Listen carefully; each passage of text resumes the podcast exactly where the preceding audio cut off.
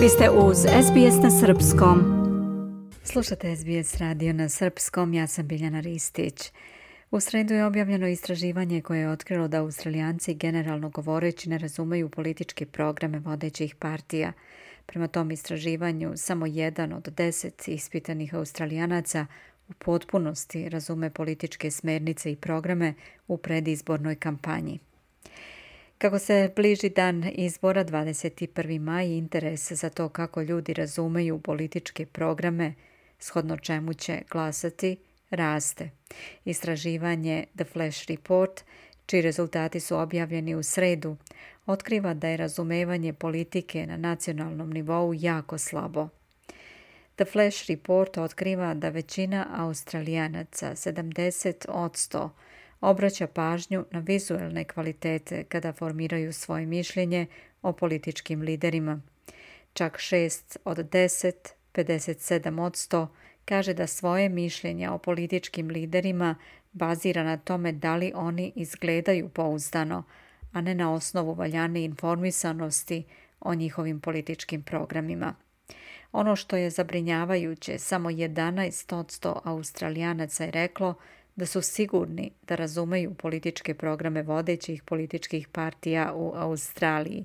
Povrh toga, 2,3 miliona Australijanaca nema osnovno znanje kada se radi o političkim smernicama partija koje učestvuju na izborima.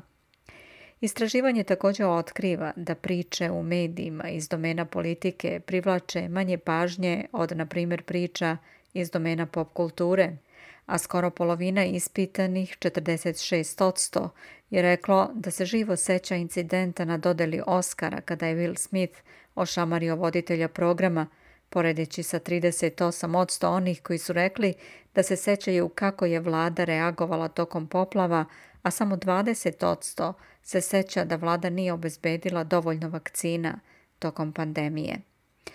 Da biste ostali informisani pred izbore, slušajte programe SBS-a na nekoliko kanala, uključujući SBS 1, na kome se emituje program na srpskom, ponedeljkom, utorkom, četvrtkom i subotom od 15 časova. Na našoj web stranici sbs.com.au kosacrta srbijen možete pronaći niz predizbornih tema, profile lidera, vodećih stranaka, istoriju političkih partija. Svakodnevno naša novinska služba sbs.com.au kosacrta news donosi najnovije detalje iz predizborne kampanje. Vaš glas znači mnogo za budućnost Australije, te se trudimo da donesete valjanu odluku baziranu na svim relevantnim informacijama iz domena politike. Slušate SBS na srpskom, ja sam Biljana Ristić. Želite da čujete još priča poput ove?